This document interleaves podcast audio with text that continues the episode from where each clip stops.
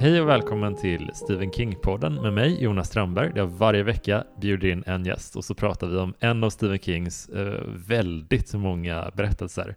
Och den här veckan så har vi med oss en återkommande gäst, eh, Björn Karlsson. Välkommen hit! Tusen tack, tusen tack! Det, vi har ju eh, eh, snackat om eh, Lida, eh, det var ett tag sedan nu, men vi har också eh, djupdykit i Stephen Kings mer tveksamma filmatiseringar i den Oh, ja. Patreon-exklusiva podden och det är också, det är minst lika roligt. Det är verkligen fantastiskt kul. Det är man också får så att liksom verkligen man, en anledning att titta på de filmerna. ja, man behöver ju också lite, ett lite terapeutiskt debriefing-samtal efter många av hans filmatiseringar. Gud ja. Så, är- så är Särskilt det. om, man har, särskilt om man har bilden att man tycker om honom. Mm. Då får den sig en törn varje gång. det är hemskt. Men eh, vi ska ju eh, ha lite extra fokus på en eh, lite förbisedd, mer samtida Stephen King-roman skulle jag vilja kalla den. Revival eller Väckelse som den heter på svenska. Just det. Det var ju faktiskt du som, när vi hade spelat in Lida-avsnittet, då tipsade du mig om den om jag inte minns fel. Ja, Eh, precis. Att det var lite så jag fick upp ögonen för Jag tror nästan inte jag kände till att den existerade, ärligt talat. Innan Nej, du... jag, tror, jag tror inte det är något ovanligt heller. För som du sa, den, är ju verkligen, den känns verkligen förbisedd. Mm. Den är väl från, vad var, nu är jag lite, 2014 typ eller? Ja, typ. Ja. För att den, eh, alltså, ja, den, har- den har inte fått så mycket kärlek känns det som. Vad tror du att det beror, innan vi liksom går in på detalj, spontana liksom, eh, analyser, vad, vad, varför tror du att folk har missat den här boken? Alltså nu, nu har jag lite dålig koll på liksom kronologin, men jag kan tänka mig att den kom eh, i nära anslutning till något annat av honom som fick väldigt mycket. Jag vet inte till exempel när, alltså det kan ha varit att Under the Dome var relativt eh, samtida, det kan ha varit att det började, nej jag vet inte fan, ja, det är svårt att sätta fingret på, men, men Mm. eh, Alltså om har man gjort så många böcker och också skrivit så många eh, romaner så är det ju liksom, känns också omöjligt att det inte är någon som trillar mellan stolarna. Liksom. Jo, så, så är det ju förstås. Jag, jag har förstått att det är ganska vanligt när jag grävde runt lite på nätet typ och folk, eh, ja det här är eh, vanligt förekommande som du säger, liksom att många har missat den här boken. Eh, Men om vi bara ska berätta lite kort om den yt, y, eller liksom plotten. Eh, Ja. Vad vill, vill du göra oss den äran? Det kan jag göra. Alltså det kan ju också vara en, en grej med den, kan ju vara att den är lite svår, svår genre att bestämma. Mm. Eh, som också är lite så här att ska jag läsa den? Är den här något för mig? Alltså jag vet inte. Eh, men den handlar ju egentligen om en, eh, det är en, börjar med en barndomsskildring som han eh, gör med den äran precis som vanligt. En ung pojke eh, som växer upp i USA och så kommer det dit en eh, metodistpastor tror jag han är. Mm. En Ja, ung en, en lite yngre, ganska karismatisk person. Ja, verkligen. Um, ung vuxen, säkert i vår ålder någonstans, Mm. kanske lite yngre till och med. Ja, man får ju Eh, så här men- coola vikarie-vibbar av honom. Verkligen, man gillar ju honom direkt. Mm. Eh, och eh, han kommer dit och eh, sen så, eh, jag vet inte hur mycket vi, men han, han sätter djupa spår i den här pojken och sen så händer det grejer som gör att han lämnar den här lilla staden och, och försvinner sin väg. Och pojken då, Jamie, växer upp och sen så är det ett, eh, så får man liksom följa honom eh, genom livet där han vid olika tillfällen korsar vägar med den här pastorn igen i olika, i olika, olika lägen i sitt liv där han är på väldigt olika platser. Eh, men de vävs liksom kontinuerligt tillsammans. Och det slutar ju kanske inte lika ljust och vackert och mysigt som det började Mm. kan man väl säga. Mm, absolut. Det är en bra sammanfattning. Jag tycker det är intressant eh, som stilgrepp också, att han jobbar på det här sättet. För det, man är lite ovan vid de här, det är ganska många tidshopp. Eh, det är kanske fem till tio år i stöten kan man säga. Att han, Jamie växer upp och blir han hittar kärleken till musiken och börjar spela i band och eh, ja, man, kan- man kan ju säga att det är inte världens problem, men han utvecklar ju en del eh, missbruksproblem och sådär i, i vuxen Mm, ålder. Mm. Samtidigt har vi parallellt den här, ehm, den här pastorn vet, vet vi väldigt tidigt att han har en oerhörd fascination för elektricitet. Och eh, Precis. gillar att ha lite så här eh, enklare experiment med olika, eh, han gillar så här modelljärnvägar och, och sådana grejer. Mm. Eh, som till inledningsvis är ganska oskyldigt och som sen utvecklas till, eh, ja, han eh, kan inte riktigt hålla sig. Nej, Eh, verkligen. Och han har, ju, han, han har ju någon form av, liksom, från början tror jag verkligen att han är liksom eh, väldigt god och vill liksom hjälpa människor och eh, sen eh, hans motiv ändras väl också eh, av naturliga skäl när, eh, ju längre historien går. Mm. Men att eh, han har ju liksom, eh, han klär på sig rollen som någon form av faith healer. Det är, alltså, vi har inte det riktigt i Sverige så utbrett.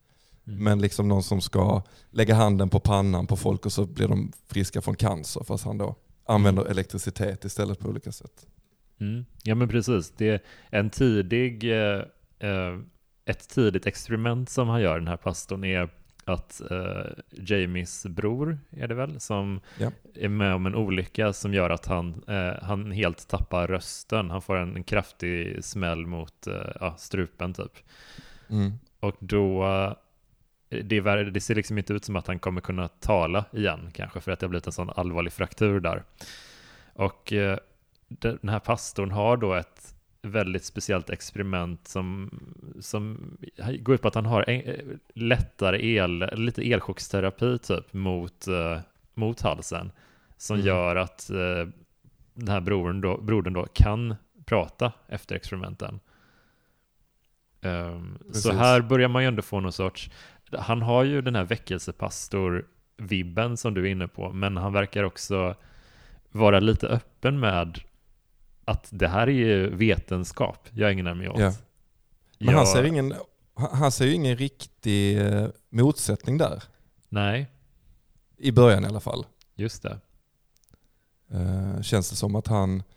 Eh, alltså det, att elektriciteten kommer också från någon form av stor kraft som vi inte riktigt kan förstå. Alltså det, Mm.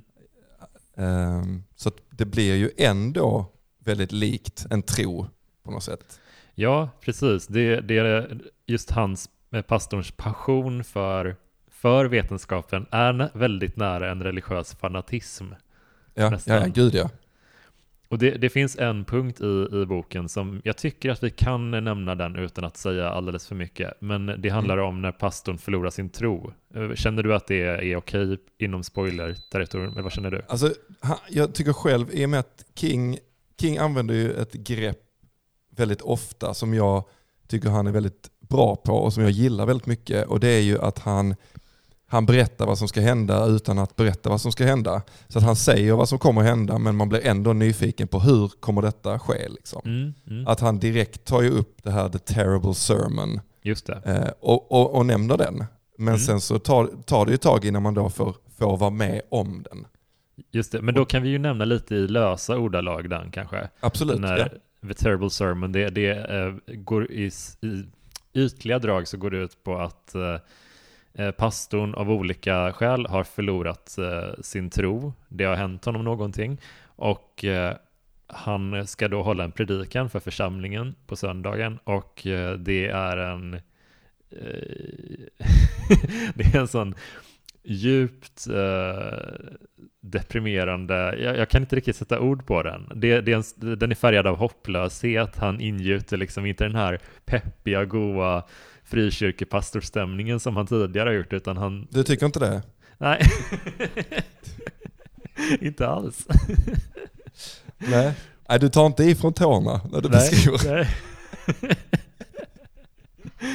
Jag har ju verkligen. växt upp i både, eller inte växt upp i frikyrkomiljö, men jag har varit mycket i sån miljö när jag varit eh, Mm. liten och så, så att jag känner igen mycket av, inte just den här terrible sermon-vibben, men den här eh, stämningen att eh, ja, men det är en extremt positiv inramning kring allting, kring gudstjänsten hela tiden. Mm. Så jag Ja. förstår ju hoppet verkligen eh, till hans, när han bara helt plötsligt har gett upp allting och förmedlar det till församlingen. Ja, Vilket han, de inte tar. men han bryter ju med, alltså han bryter ju med alla, liksom, som du, allt det här som i vanliga fall förmedlas och allt det här som man vill väcka, vare sig man kanske känner det alltid eller inte. Eh, Mm. Han bara bryter med, alltså han går, han går rogue, han går mot allt. Liksom. Och det blir ju en väldig eh, kontrast från vad de förväntar sig. Liksom. Mm. Det, jag, jag tycker också det är lite, det, man måste ju sätta sig in i den uh, världen också, att de befinner sig verkligen på den amerikanska landsbygden. Det är väl, eh, hur ska man tidsbestämma, är det 60-tal typ? Vad, vad skulle du, kommer du ihåg? Det är 60-70 kanske? Ja.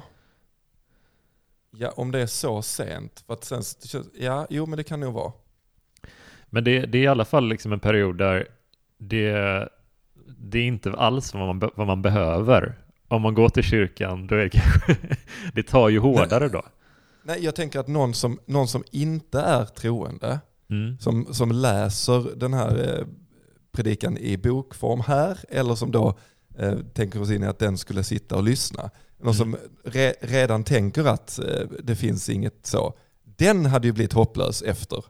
Mm. Alltså, eh, ja, alltså det är verkligen sant. Och, och det, är, det är så himla spännande att eh, det, det för en vanlig, liksom, eh, kanske ateistisk lagd person eller en person som bor i någon, en stad där det händer grejer hela tiden så här.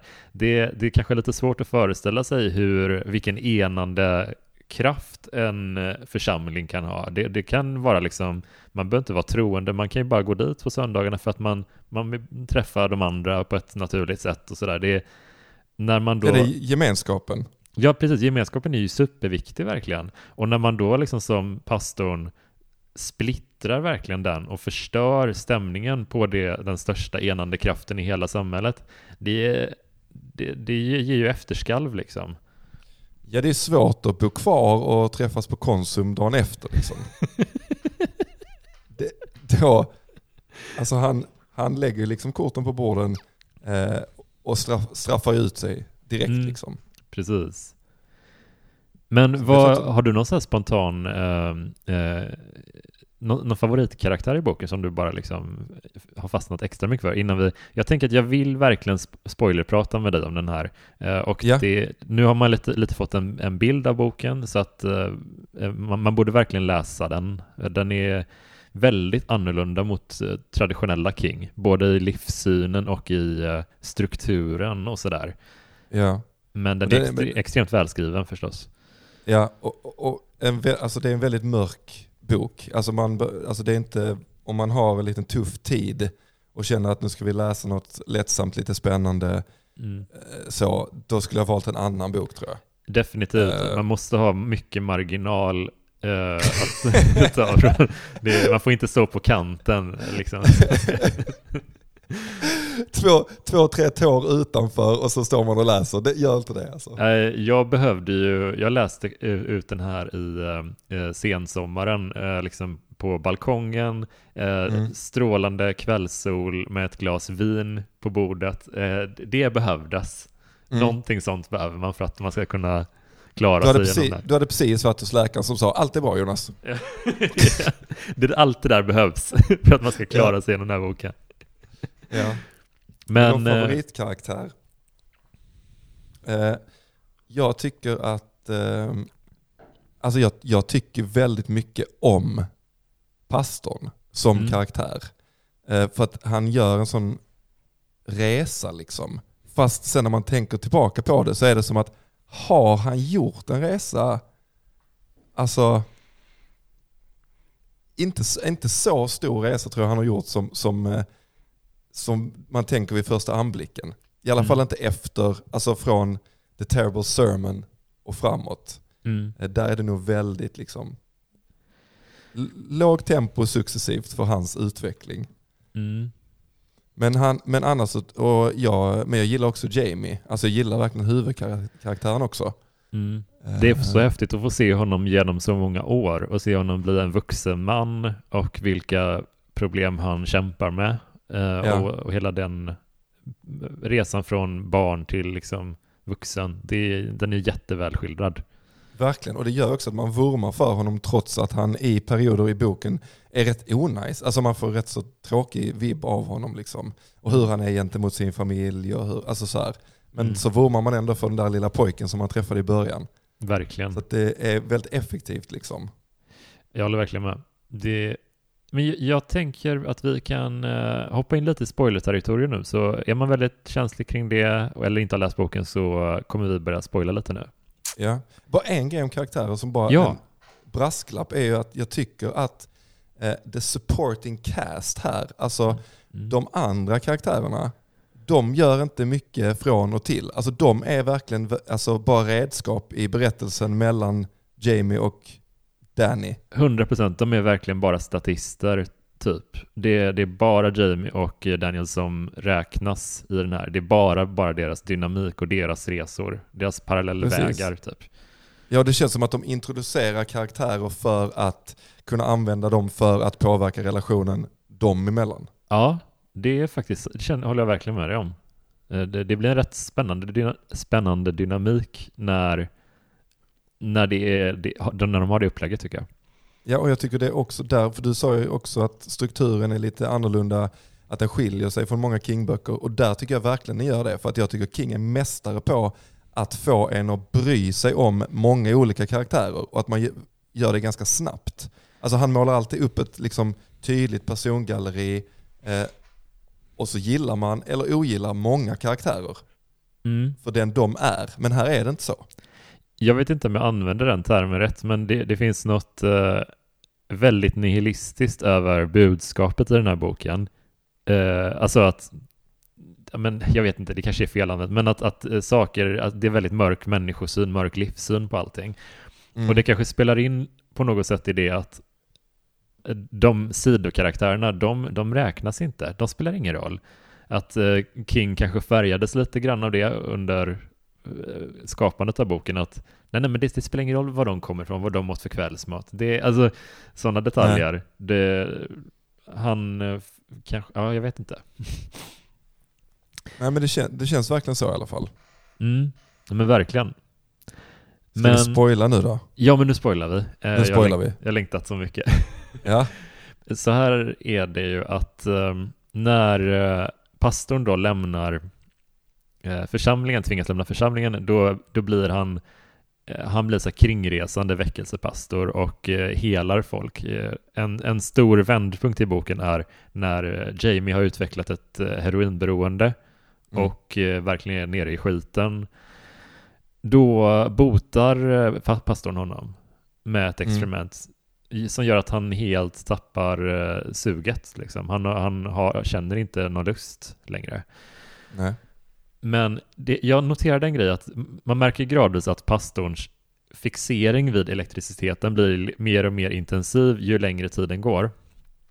Han, han dyker djupare ner i det. Och jag får sån känsla av nu är det, alltså anledningen till att han håller den här terrible sermon från början är ju att hans eh, eh, son och eh, fru väl dör i en, en olycka. Och att han helt tappar hoppet liksom kring livet och mening, Ja. alltså inget spelar någon roll och sådär.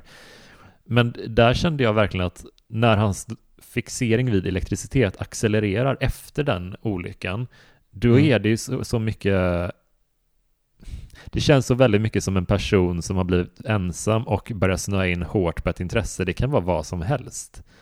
Ja. Eh, alltså om man, om man själv skulle bli dumpad eller något skulle hända en eh, i livet, då tenderar ju man ganska ofta att antingen bara falla ihop totalt eller bli väldigt fixerad vid någonting. Typ något projekt eller någonting som håller Absolut, uppe ja. ens tempo typ. Ja. Så jag, jag upplever det väldigt mycket som en jätteextrem sorgebearbetning på något sätt. Absolut. Och att hela, alltså, alltså han, hans, liksom det här att han åker runt och gör experiment och sen, och sen börjar hela folk och allt det är ju kopplat till den här, den här sorgen och hans känsla av förlust. att han inte kan acceptera det liksom. Mm. Ehm, så det är ju ett jävla kaninhål han dyker ner i. Ja men han behöver ju, jag upplever att han verkligen behöver känna att han är i kontroll över någonting. Att det, han har helt tappat kontrollen, han kunde inte göra någonting åt den här olyckan som han, drabbade hans familj. Så han behöver känna Och att den var har, helt meningslös. Alltså det, Ja. fanns inget, det fanns ingen, alltså inget mening med det överhuvudtaget. Nej, men precis. Så han behöver känna att jag har kontroll över någonting. Jag kan göra skillnad på något sätt. Eh, annars så hade han ju bara skjutit sig själv eller någonting. Mm. Men jag upplevde en grej med den här boken och det var att den höll ett nästan irriterande lågt tempo till en viss punkt. Och då börjar man förstå varför den har hållit det låga tempot. Och det, det är när, eh, ganska sent i boken, när pastorn har dragit sig tillbaka från det här eh, helandet, eh, de här offentliga föreställningarna och eh, har bosatt sig i någon stor, något stort hus på vischan. Eh, och eh, då börjar man förstå att han har en stor eh, slutplan för den här, det här Ja. experimentet. Det är någonting han har sökt. Eh, han har sökt liksom källan till varf- varför hans elektri- elektriska experiment fungerar som de gör. Och eh, ja, vill du, vill du, vad kände du kring den grejen? När, när man får reda på vad hans plan är, om man säger. Ja, alltså den, det nystas ju upp liksom. Och det lyftas ju också upp ganska långsamt. Alltså man får ju, man får ju känsla av att han, han har nått slutmål. Men precis vad det är är inte tydligt riktigt. Det ska väl inte vara meningen heller. Och egentligen inte heller när Jamie liksom går med på att hjälpa honom. Alltså han får ju ett ultimatum i, sent i boken där hans gamla high school sweetheart eh, ligger inför döden och eh, pastorn säger att jag kan bota henne eh, men jag gör bara det om du går med på att hjälpa mig med en grej typ. Utan att beskriva vad det är. Precis. Eh, vilket han då såklart går med på. Och, och, och där är det ju fortfarande inte klart heller för läsaren riktigt vad det är som ska ske. Nej. Man vet att det är någon koppling till eh, andra sidan. Det är mycket liksom, prat om var är hans fru och hans barn nu? Och, och, och den ovetskapen gör ju honom tokig. Liksom. Mm. Men där rampar det ju upp eh, rätt så snabbt sen. Liksom. Jag tycker det är så extremt drabbande när man, för de har ju etablerat den här uh, ungdomskärleken i, i eh, Jamies unga år. De, Mm. eh, det, han förlorar oskulden till henne eh, och eh, det, de är liksom så här klassiska high school sweetheart som du säger. Man följer dem i deras ungdom och sen är hon borta eh, ända fram till slutet där hon är en, ja, men en äldre cancerdrabbad kvinna som Mm. är mager, sitter i rullstol och det finns nästan ingenting kvar av ursprungsmänniskan i henne. Nej, precis. Och det gör så jävla ont, för det där har man ju, om man har haft någon med cancer i sin närhet, det, det är ju så det kan bli, verkligen. Att det, ja, det blir, ja, jag vet inte.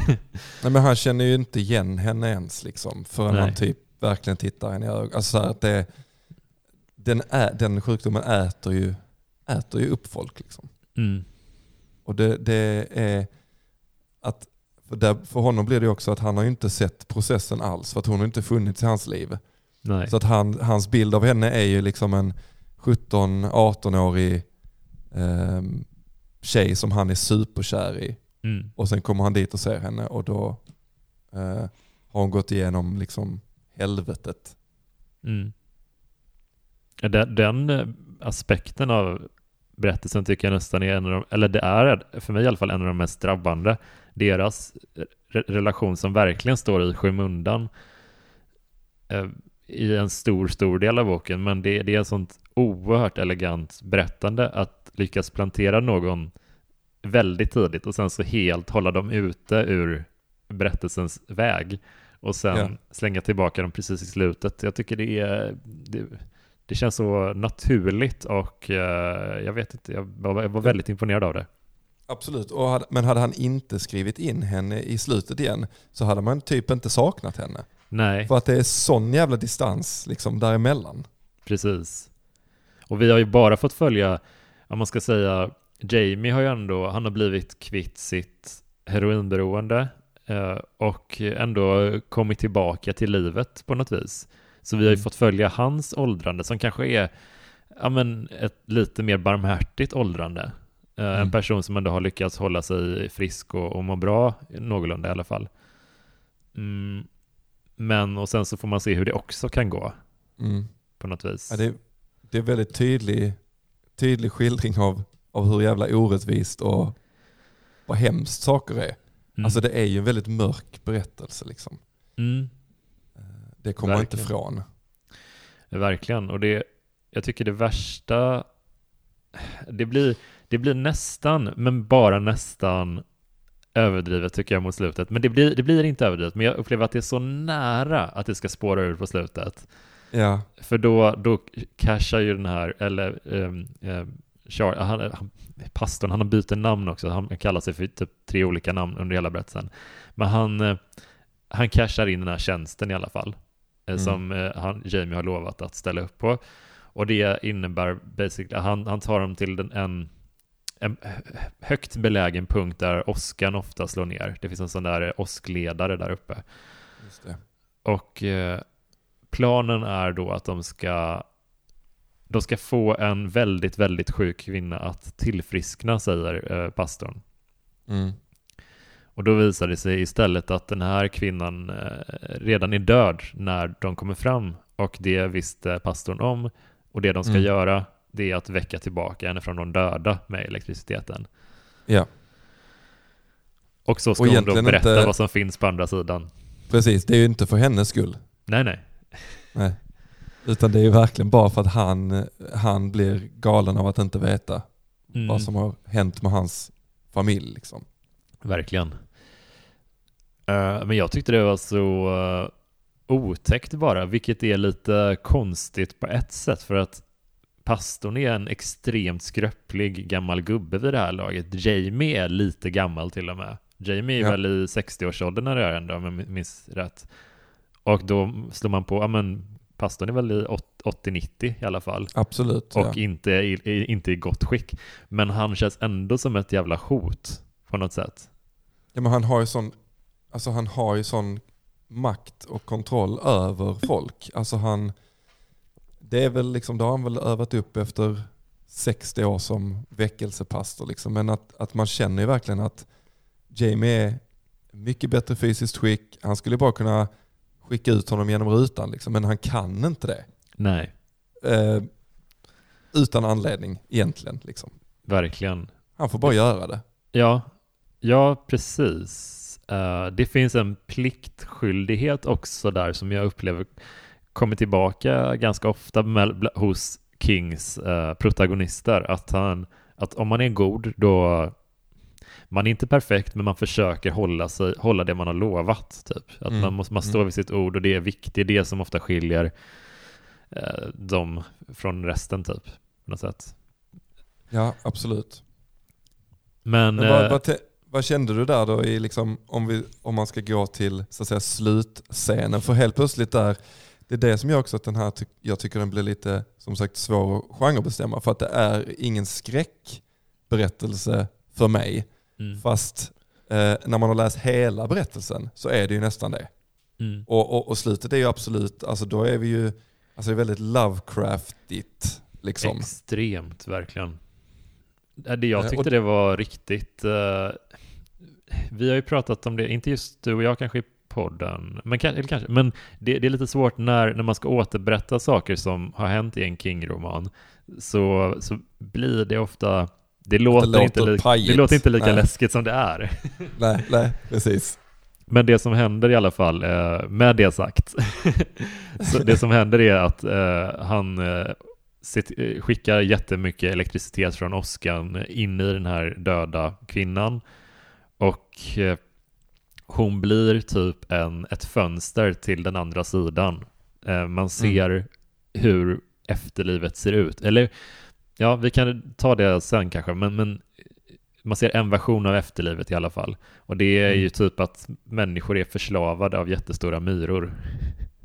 Ehm, ja, Nej men du, det var det, bras, bra brasklapp innan. Eh,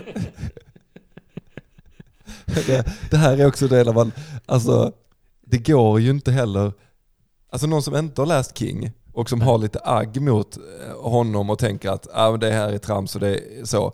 Det Mm. går inte att övertala dem genom att förklara vad saker handlar om. Nej, det är omöjligt. Man måste bara, sluta, bara, lä, bara läs den. Bara Ja, läs den. jag, jag, Eh. ingen kan tolka någonting alltså som, som alltså det, ja, det är svårt. Eh, Men i alla fall, det, eh, hopplösheten är liksom ett faktum typ. Att när, budskapet är att när vi dör så vi, blir vi slavar i, i evighet typ. Mm.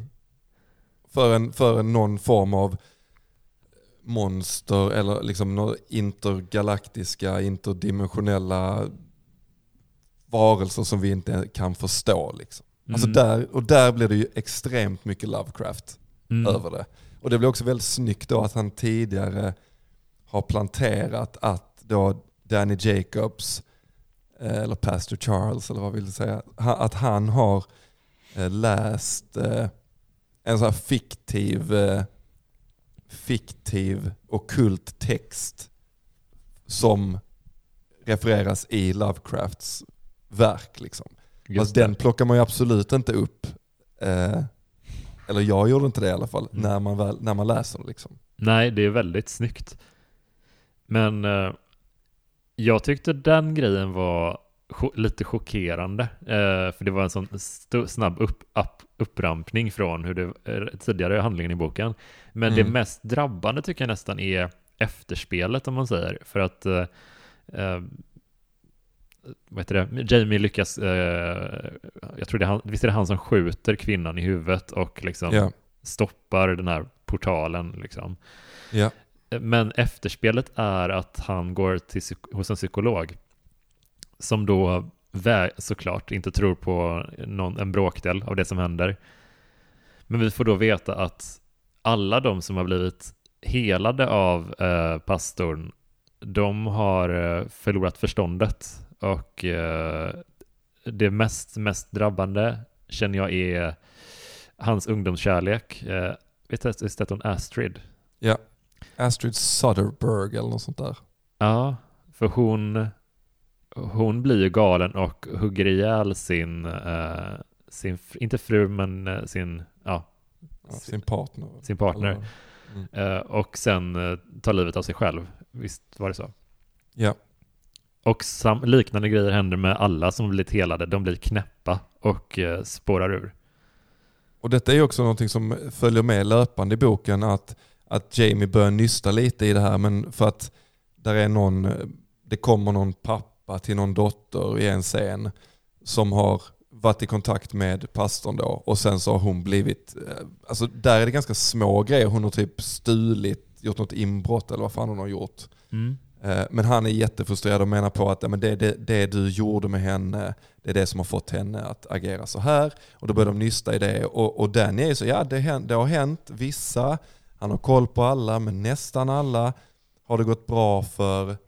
Och sen visar det sig att eh, så är det nog inte riktigt. Och plus att även om det går bra ett tag så, så vet man vad som komma skall. Mm. Och man vet ju också att Jamie har blivit helad. Just det. det, och det är som en tickande bomb då, eh, som vi stänger på. Precis. Jag tycker det är fruktansvärt. Ja men det är, också, det är ju också, alltså, och det blir en, en resa värre också för att han, man vet att han är en tickande bomb. Och man vet också att han vet vad som väntar när det väl, alltså när han väl blir tokig och skjuter sig i huvudet Mm. så vet han alltså Ja. vad som kommer sen. ja. Så att, så att det är liksom double whammy för honom kan man säga. Ja, jag försökte lite r- rota i den aspekten efter att jag hade st- stängt boken och bara tänkte så här, är det är, det- alltså mitt mest, min mest optimistiska tolkning var väl typ att eh, det, det som de ser i den här portalen, det är det som sker om man försöker göra några överträdelser, att det blir, det blir ett straff typ. Alltså det händer om Mm. onda, det här är helvetet. I och med att det är pastorn som öppnar och det är han som har gjort den här överträdelsen. Det, du passar dig, det här, det är hit du kommer. Att det är en sån. Ja. Jag vet inte riktigt, men det, det generellt så budskapet är väl att det, det är det där vi, vi slutar. Ja, men st- jag står det inte någonstans, eller nu, jag har boknamn men jag vet fan var, men någonting om att liksom himlen, alltså det där, den bilden, det är liksom bara fantasi så att säga. Ja, Alltså jag, jag fick inte känslan av att det, det kan fortfarande vara så att man liksom lyckas ta sig dit. Men ja, som sagt, jag vet inte. nej, det, den är inte alls hoppfull.